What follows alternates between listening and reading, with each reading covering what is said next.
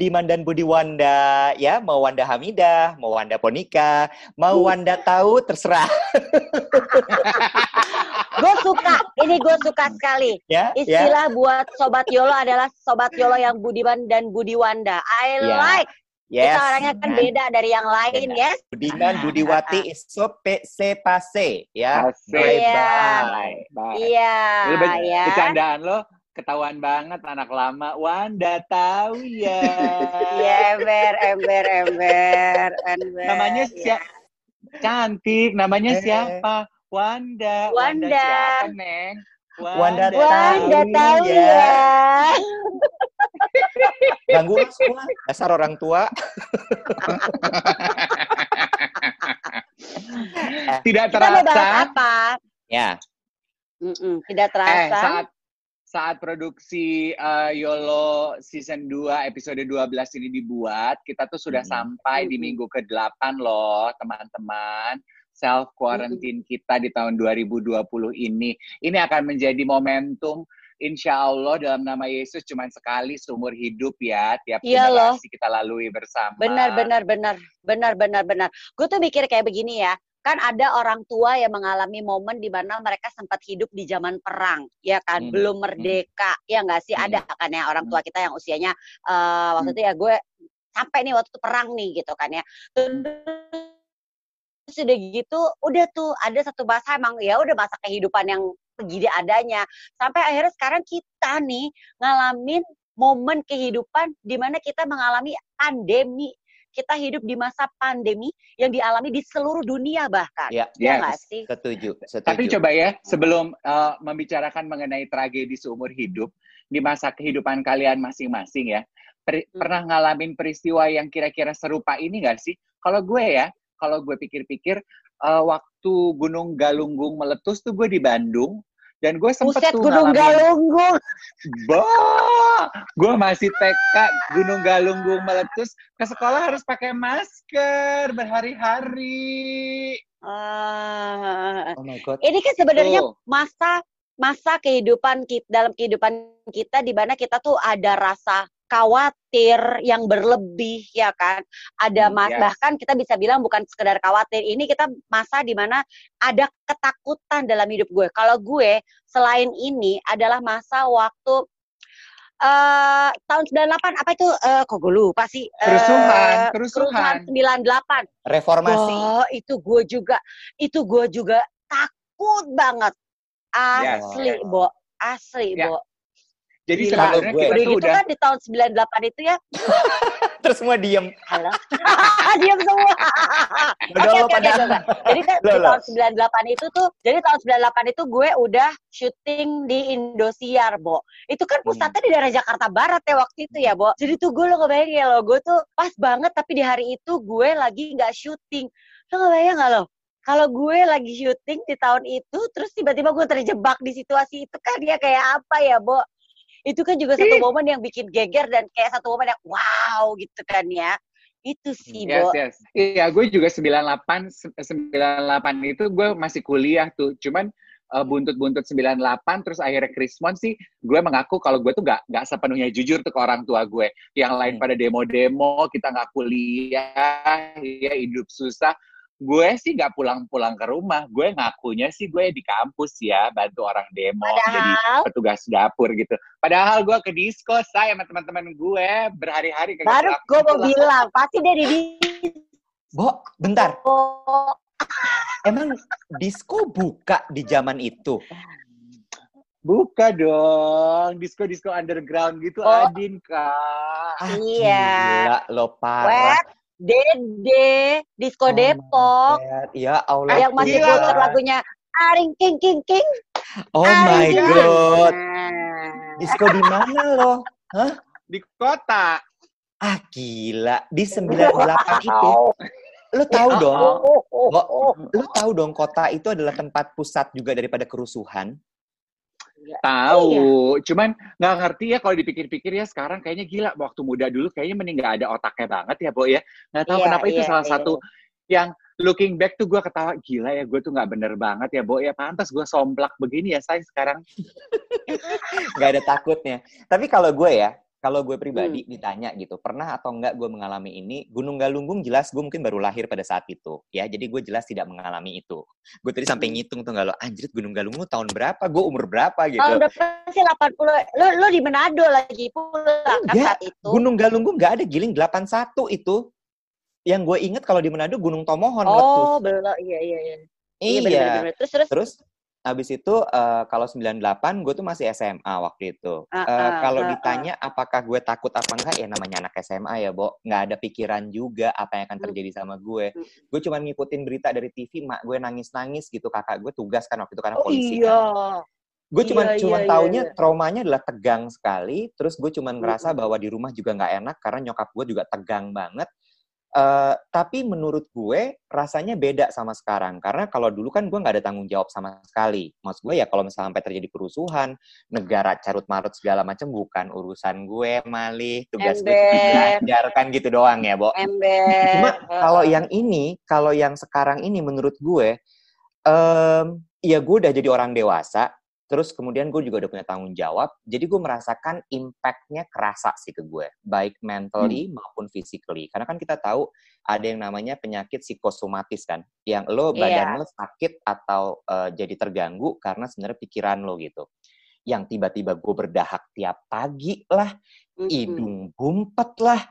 Kan gue udah takut, wah datang nih si Rona ke gue. Iya nggak? Ya, gue takut gitu. Si Rona.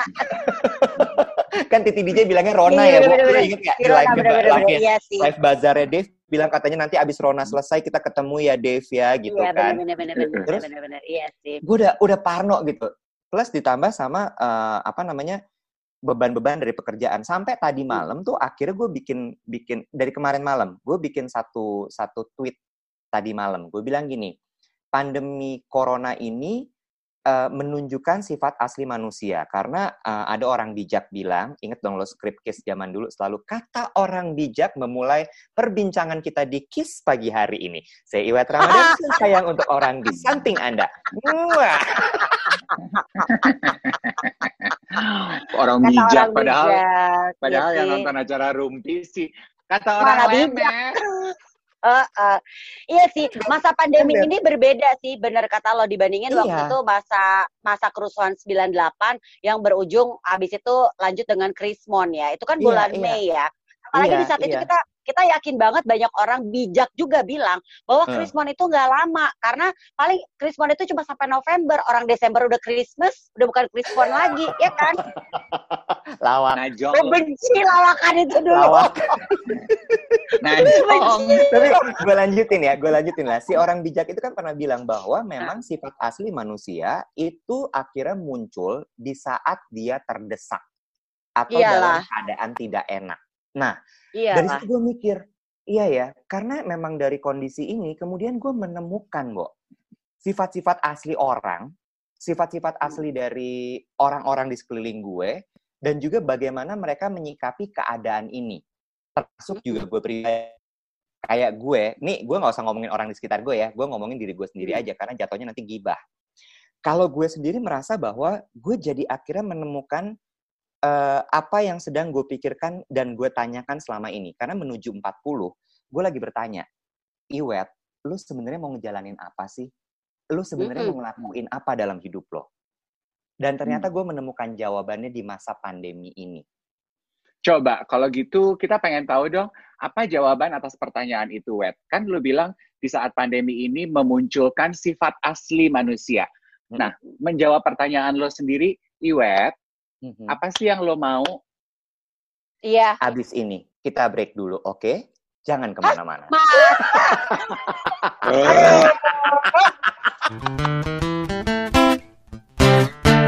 Lanjut lagi ya, Sobat Yolo yang Budiman dan Budi Wanda. Ini Iwat saat punya satu cerita yang apa ya? Ini sebenarnya gini, satu pertanyaan yang ternyata ditanya sama Iwet juga. Karena sejujurnya kita juga nih, kita dua temennya Iwet ini nih, Dave dan Eji pun juga bertanya, Wet, lu tuh maunya apa sih, Wet? Ya nggak sih, Dave? Lu suka wondering gitu nggak sih? terhadap teman Yes, kita si Iwet ini. Ini orang tuh maunya apa Yes. sih? Nah, Dan jadi kalau ternyata misalnya Ah, ah, rising adalah- from pandemi ini, Iwet menemukan apa yang ia mau dalam hidupnya. Coba Mas Iwet. Jadi gini, akhirnya gue menemukan, Bo, pekerjaan gue sekarang itu kan eh, eh, bidangnya marketing. Jadi gue handle ada sales, jualan, terus kemudian PR sama event, gitu kan ya, tiga tiga bidang itu marketing tuh. Nah, kalau ditanya, gue tuh juga sebenarnya ngejalanin pekerjaan ini tuh juga sebenarnya tidak yang juga dengan ringan, nggak gitu, karena berat loh, Bo, dikasih target gitu kan, rupiah lagi. Jadi Terus gue mikir gini, kata orang kalau lo mengerjakan segala sesuatu ketika lo sudah mulai, mulai merasa berat atau lo tidak menjalaninya dengan dengan happy lah gitu ya, quote unquote, maka sebenarnya itu bukan satu hal yang ingin lo kerjakan. Dan itu tuh nempel banget di kepala gue. Sampai gue mikir gini, apa jangan-jangan emang gue nggak nggak kepingin ngerjain ini. Cuma setelah gue jalanin kehidupan ini, terus kemudian pandemi, terus gue lebih banyak di rumah, gue banyak ngobrol sama diri gue sendiri, gue mengerjakan berbagai macam hal juga dalam masa pandemi ini, akhirnya gue menemukan, Bo, bahwa ternyata yang ingin gue kerjakan dalam hidup ini adalah, dan yang gue senang ternyata, berkreasi, dan yang membuat gue happy adalah ketika kreasi itu terjual. Tapi gue nggak suka proses jualannya. Lo kebayang Oke. nggak? Jadi gue seneng nih, misalnya ya, gue bikin lap kacamata gitu ya. Gue, uh, gue pikirin gitu lap kacamatanya yang seperti apa, gimana caranya supaya dia terjual, gimana caranya supaya orang suka. Ini diceritain produknya dari apa-apa-apa segala macam. Tapi ketika dia harus dirilis ke pasaran, gue mesti ngejual ini, gue nggak mau. Oke. Gue nggak suka. Jualan itu yang lo tidak nikmati. Iya, iya. Nggak Lu suka. kreasinya, ya kan? Yes. Lo senang Yes. berkreasinya. Tinggal Yes. lo masuk GSP. Bener. Alisnya sih udah Cinta, segaris, cinta, sudah cinta. cocok. ya, Wak. Indonesia, ya nggak sih? Jadi, ya kan? Wet, ya kan? Padamu sebenarnya, kita akan setia, ya kan? jadi Wet, sebenarnya lu tuh kreator, lu tuh seniman, lu tuh Iya. suka mencipta. Iya, iya. Walaupun pekerjaan lu tuh kayaknya bisnis gitu ya, Iya. sekarang ada Iya. di struktur organisasi, Iya. lu tuh seniman, you like to create.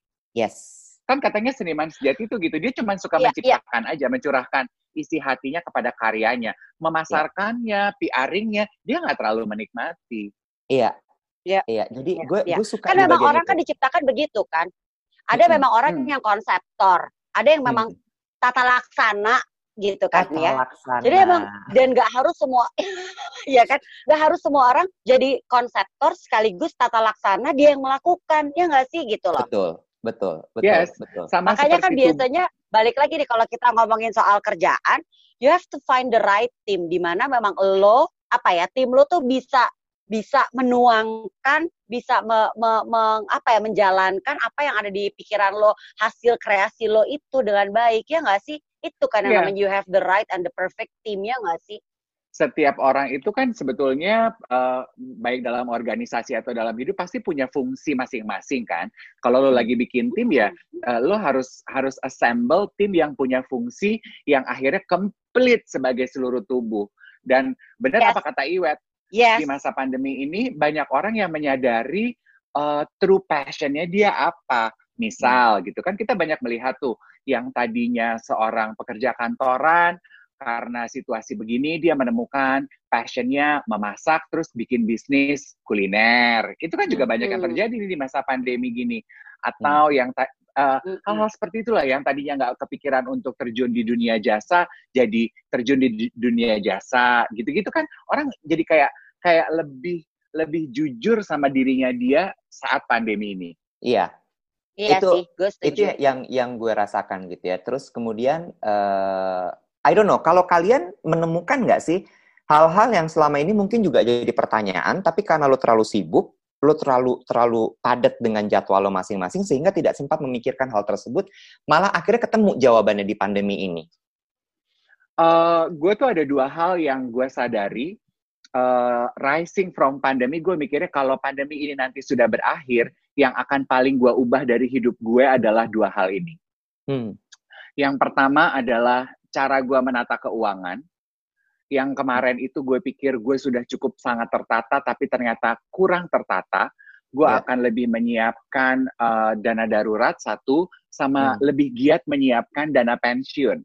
Berarti gue akan lebih rela untuk memangkas eh, lifestyle-lifestyle gue yang selama ini mungkin hanya sekedar eh, hura-hura cincin gitu-gitu. Gue akan fokus ke dua tujuan utama gue. Karena gue menyadari eh, hidup tuh perlu uang, Nek. Untuk bisa menikmati hidup tuh perlu uang. Dan gue nggak mau masa pensiun gue tuh nggak bermartabat. Gue masih ingin tetap menikmati hidup. Itu ya yang Hmm. pertama. Hmm. Yang kedua adalah uh, mengenai kesepian. Selama ini gue kan selalu berpikir gue introvert. Ah, gue Hmm. sih menikmati kok tinggal sendiri, Hmm. uh, uh, sendirian, kadang naik panggung, ketemu orang, tapi gue recharge dirinya sendirian. Gue baca artikel di majalah Time yang menurut gue, damn, bener banget nih. Dia bilang sebetulnya uh, loneliness itu adalah uh, penemuan masyarakat modern. Jadi Hmm. sebelum tahun 1800, orang itu nggak pernah merasakan atau sadar arti kesepian. Karena back then, ketuhanan, hubungan mereka sama Tuhan itu begitu kuat. Walaupun mereka single atau hidup sendiri, belum punya pasangan, dia nggak pernah sendirian, Ji. Dia merasa karena, ah gue punya, kayak deep down inside, ada Tuhan yang menemani gue. Iya kan? Plus, waktu itu, eh, orang tuh hidup kan deket-deketan uh, urbanisasi terus terjadi, masyarakat semakin modern, kita tuh jadi mengenal apa arti kesepian walaupun kita hidup di tengah kota yang begitu hiruk pikuk. Nah, tapi kita kan bangsa yang komunal ya. Orang yang komunal tuh kayak Korea, Jepang, Asia, mau Indonesia. Itu tuh sebetulnya root kebudayaannya mereka tuh hidupnya komunal, selalu bareng-bareng, guyup kalau kata orang Indonesia.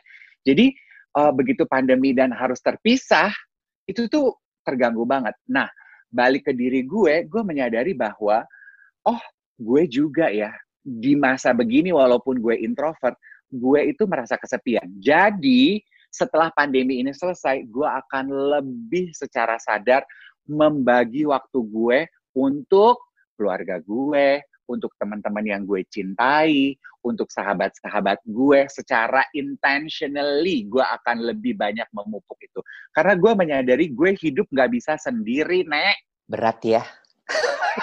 Asli, Iya loh. asli. Gue sesak Iya, loh. iya, benar. Kalau. Angie, kalau Angie mah kan di rumah ya, ada suami, ada anak, ada istri, Mm-mm. banyak keluarga. Jadi mungkin lo nggak pernah merasakan Iya, kesepian itu enggak, sebagai sebagai hubungan itu. yang erat heeh. gitu. Yes, Mm-mm. tapi Iya. kan di eh, survei survei bilang di manusia modern sekarang orang single itu semakin banyak, nggak cuma single ya, tapi yang eh, Iya. karena sandwich generation harus mengurus orang tuanya jadi belum dipertemukan jodoh gitu. Akhirnya eventually dia pasti deep down inside kesepian. Jadi maksudnya gue, ayo kita sama-sama sadari kalau gue ya pelajaran dari pandemi ini bahwa gue akan lebih secara sadar memberikan waktu to nurture my friends, my family. Kalau lo nggak cocok sama family, ya sama friends lo, gitu loh. Hmm. Hmm. Oke, gue sambil Gue mikir setuju nih. banget sih malah, bener-bener. Iya, Hmm. iya. Kalau gue, gue sambil mikir dari omongan Dave tadi, gue jadi mikir gitu ya. Setelah gue menemukan apa yang gue jawaban dari pertanyaan gue selama ini, what's next-nya? Mungkin sekarang Angie dulu sambil gue mikir lagi nih, berarti iya. what's next apa nih gitu. Lo apa Angie yang lo temuin dari si pandemi ini nih? Next, kita break dulu kayaknya sih. Gimana? Monyet. Budi, Wan, Wan dan We'll Wanda back break dulu ya. guys. We'll Yes. Sobat Yolo yang Budiman dan Budi Wanda, ini adalah kesempatan Angie untuk berbagi secara jujur kepada kita rising from pandemi, apa yang ia pelajari lebih dalam mengenai dirinya dia. Ayo, Madam Goro. Gue kalau tadi pertanyaannya sama kayak Iwet, eh, lu udah tahu gak sih apa yang lo mau? Gue mah udah tahu apa yang gue mau dari kapan tahu, ya gak sih? Sama apa yang mau gue lakukan. Maksud gue, gue kan menjalani kehidupan dan karir gue itu bener-bener semuanya tuh pelan-pelan. Semuanya tuh datang tuh step by step gitu loh. Jadi nggak sekaligus misalnya dalam dalam dunia entertainment, gue tuh mulai dari gue masih remaja, mulai dari masih jadi jadi model dulu gitu loh ya. Jadi bener-bener semuanya tuh nggak yang tiba-tiba gue begini, tiba-tiba gue begini gitu kan ya. Emang ada Ya. satu sih yang yang mungkin kayak tiba-tiba gue bekerja kantor tuh kan sebenarnya kalau untuk sekarang gue nggak tiba-tiba juga karena kan gue udah pernah sempat juga gue kerja kantor beberapa tahun yang lalu. Jadi sebenarnya semuanya itu tuh kayak ada gue tuh yang berproses yang sekarang gue ditawarin lagi kerja kantor tahun lalu tuh terus yang gue mau karena gue ternyata menikmati bekerja bekerja kantor juga. Jadi kalau ditanya apa lo masih mencari tahu nggak sih apa yang lo mau? Enggak. Nah tapi kalau ngomongin soal apa yang gue pelajari rising from pandemi dan di selama masa work from home selama ini kita di rumah aja apa yang gue pelajari? More or less gue sama lebih ke poin pertamanya Dave lebih belajar untuk bisa memanage keuangan gitu kan Hmm. ya. gue bersyukur banget sih ya di saat pandemi ini eh, gue dalam kondisi gue ada satu pekerjaan tetap, ada pekerjaan tetap juga. Kita kan sebenarnya eh, industrinya kan awal-awal kan yang ya apa ya istilahnya ya pegawai kontrak ya Dave ya, iya nggak sih Dave gitu loh ya. Tempo-tempo ada Iya. uang, tempo-tempo enggak ada. Iya, iya, iya, iya, benar-benar. Ah, ah, ah, Iya, iya nggak sih iya, kalau kita iya. melihat bahwa orang sih mikirnya eh gila lah, enak banget pekerjaan artis Eh, apa lu dapat duitnya banyak iya kalau lagi masa kayak begini lah lu kerjanya gimana coba ya nggak sih Iya, nah itu yang satu gue syukuri gue mengambil keputusan untuk gue kerja kantor lagi jadi gue dan laki gue juga ada kerja kantor jadi eh, masih gue masih bersyukur banget sih gitu di saat ini terjadi. Gue jadi kalau saat mas bingung gue ngomongnya apa ya. Oke gini. Oke tarik nafas dulu.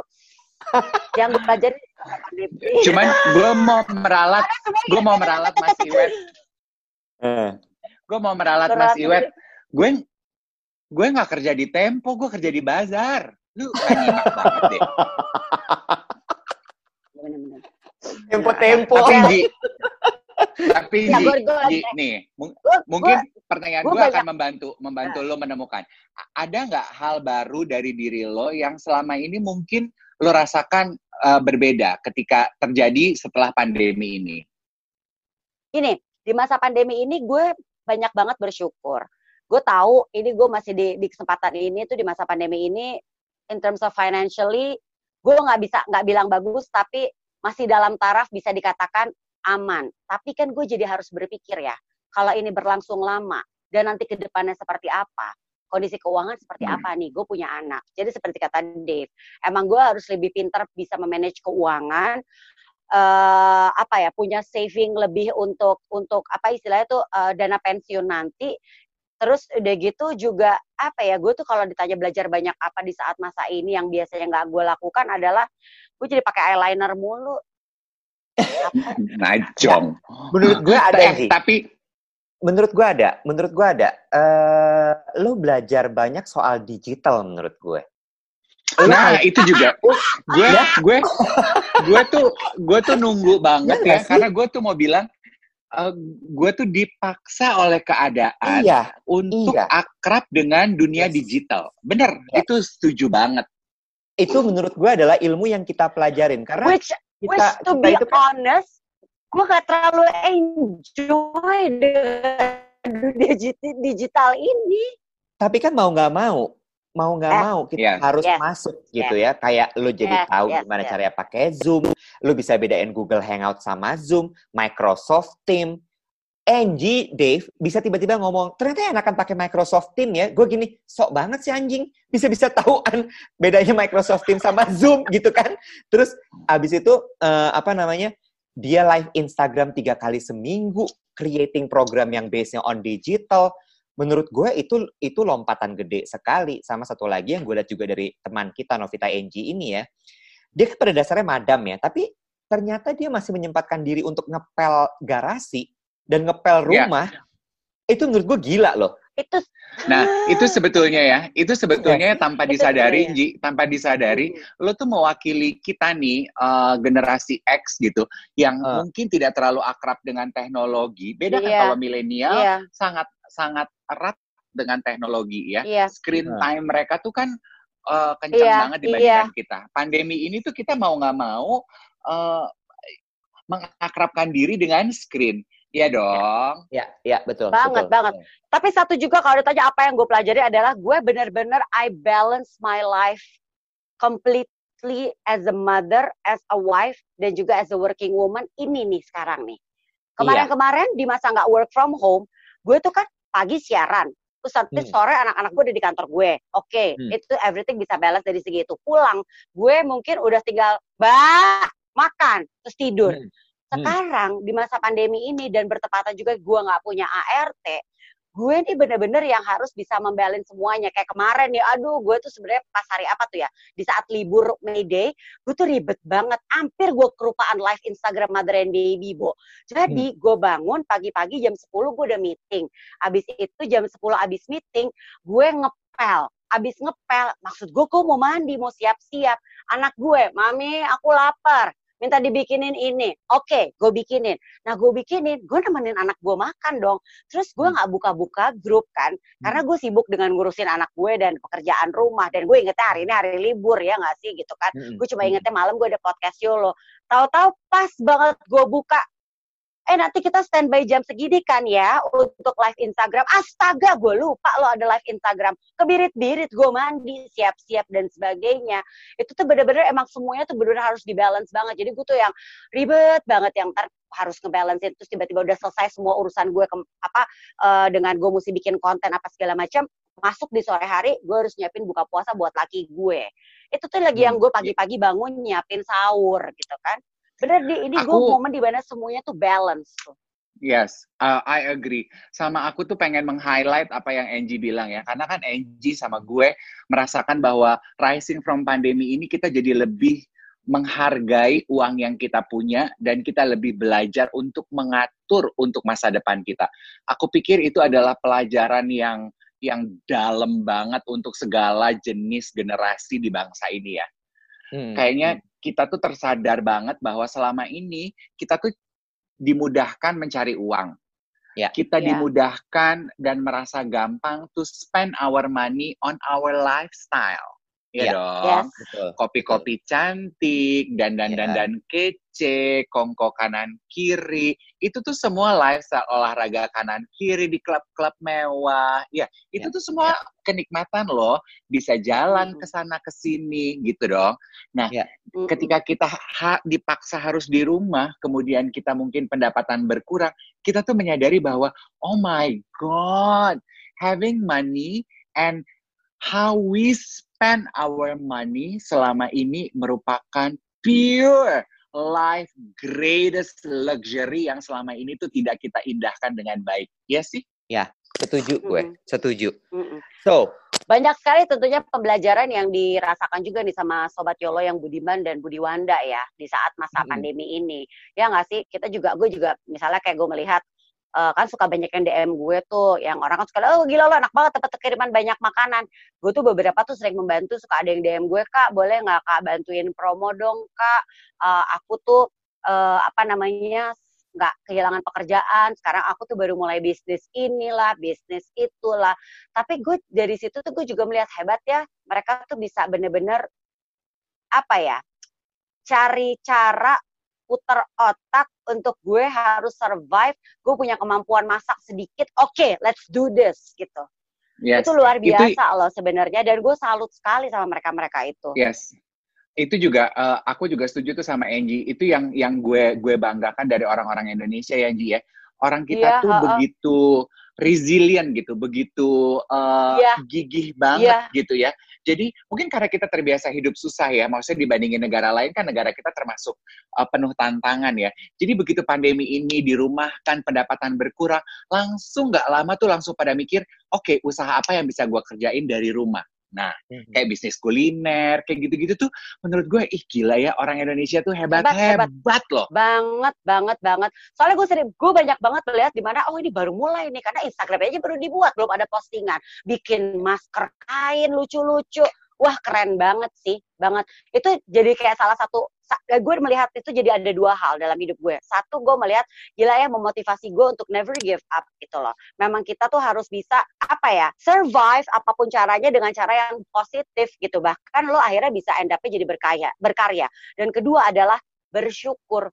Gue di masa pandemi ini nggak berhenti hentinya gue bersyukur banget bo. Bersyukur Yes. banget bahwa gue bisa tetap berada terus sama keluarga gue so far gue ta- kita dikasih sehat-sehat ya kan repot pasti ada repotnya ya udah part sesuatu yang harus memang kita jalanin ya kan? Setuju sih. Betul banget, setuju banget. Jadi udah deh ya guys, lewat pandemi ini kalau kita udah kita harus bisa saling mengingatkan nih bertiga.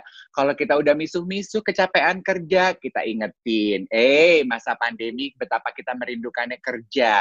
Lewat pandemi kalau kita udah mulai misu-misu membandingkan gaji orang, kok sih ini gajinya lebih banyak dari gue? Hei, bersyukur waktu pandemi gaji dipotong, lu begitu menikmati uang yang sedikit itu. Bener nggak sih, Shay? Ya, Setuju gue. Dan selalu positif sama menurut Bener gue sih. banget. Satu lagi nih ya. bener banget. eh, lewat dari pandemi ini, seharusnya kita jadi punya banyak sekali skill tambahan yang kita pelajari walaupun istilahnya harus terpaksa, tapi mudah-mudahan bisa jadi pelajaran buat kita dan bisa membuat kita hidup lebih baik di masa yang akan datang. Bener. Amin. Gue habis pandemi ini, amin. Abis pandemi ini berlalu, gue mau ini ah gabung sama GoClean. Udah bisa gue bersih-bersih rumah. Bisa Bu Enji sekalian kardio ya. Tapi yang Iya. pasti buat teman buat sobat Budiman dan Budiwanda, simak selalu podcast Yolo yang akan selalu hadir setiap minggu dan juga extended version discussion kita di live Instagram Yolo Podcast. By the way nih ya, speaking of uh, live Instagram YOLO Podcast, Iwet tuh punya PR, since dia yang paling muda dari antara kita, dan dia tuh paling masih masuk generasi milenial. Gimana caranya kita bisa live Instagram bertiga? Coba dong, Wet, Paling lu ulik, PR lu cari tahu. Gimana caranya Instagram live bertiga? Mungkin kita bisa bantu teleponin Instagram. Halo, siapa sih yang punya Instagram? Sombong. Yang punya, Gini, gini. Kalau sampai nih, kalau sampai gue bisa bikin kita live Instagram bertiga, Dave live Oke, Instagram stop. telanjang bulat ya. Ya, oh gila lu, di bredel tahu. Eh, ya gantian dong, jangan gue. Angie dong. Uh, eh kalau sampai gitu reach-nya bagus loh. itu pasti banyak banget nanti dari ah ini Bo, itu loh yang yang apa tuh wildlife saving animal ikan ada ikan dugong live Instagram ya Lo mau nasi podcast Yolo kayak tabloid monitor zaman dulu, say. Bye.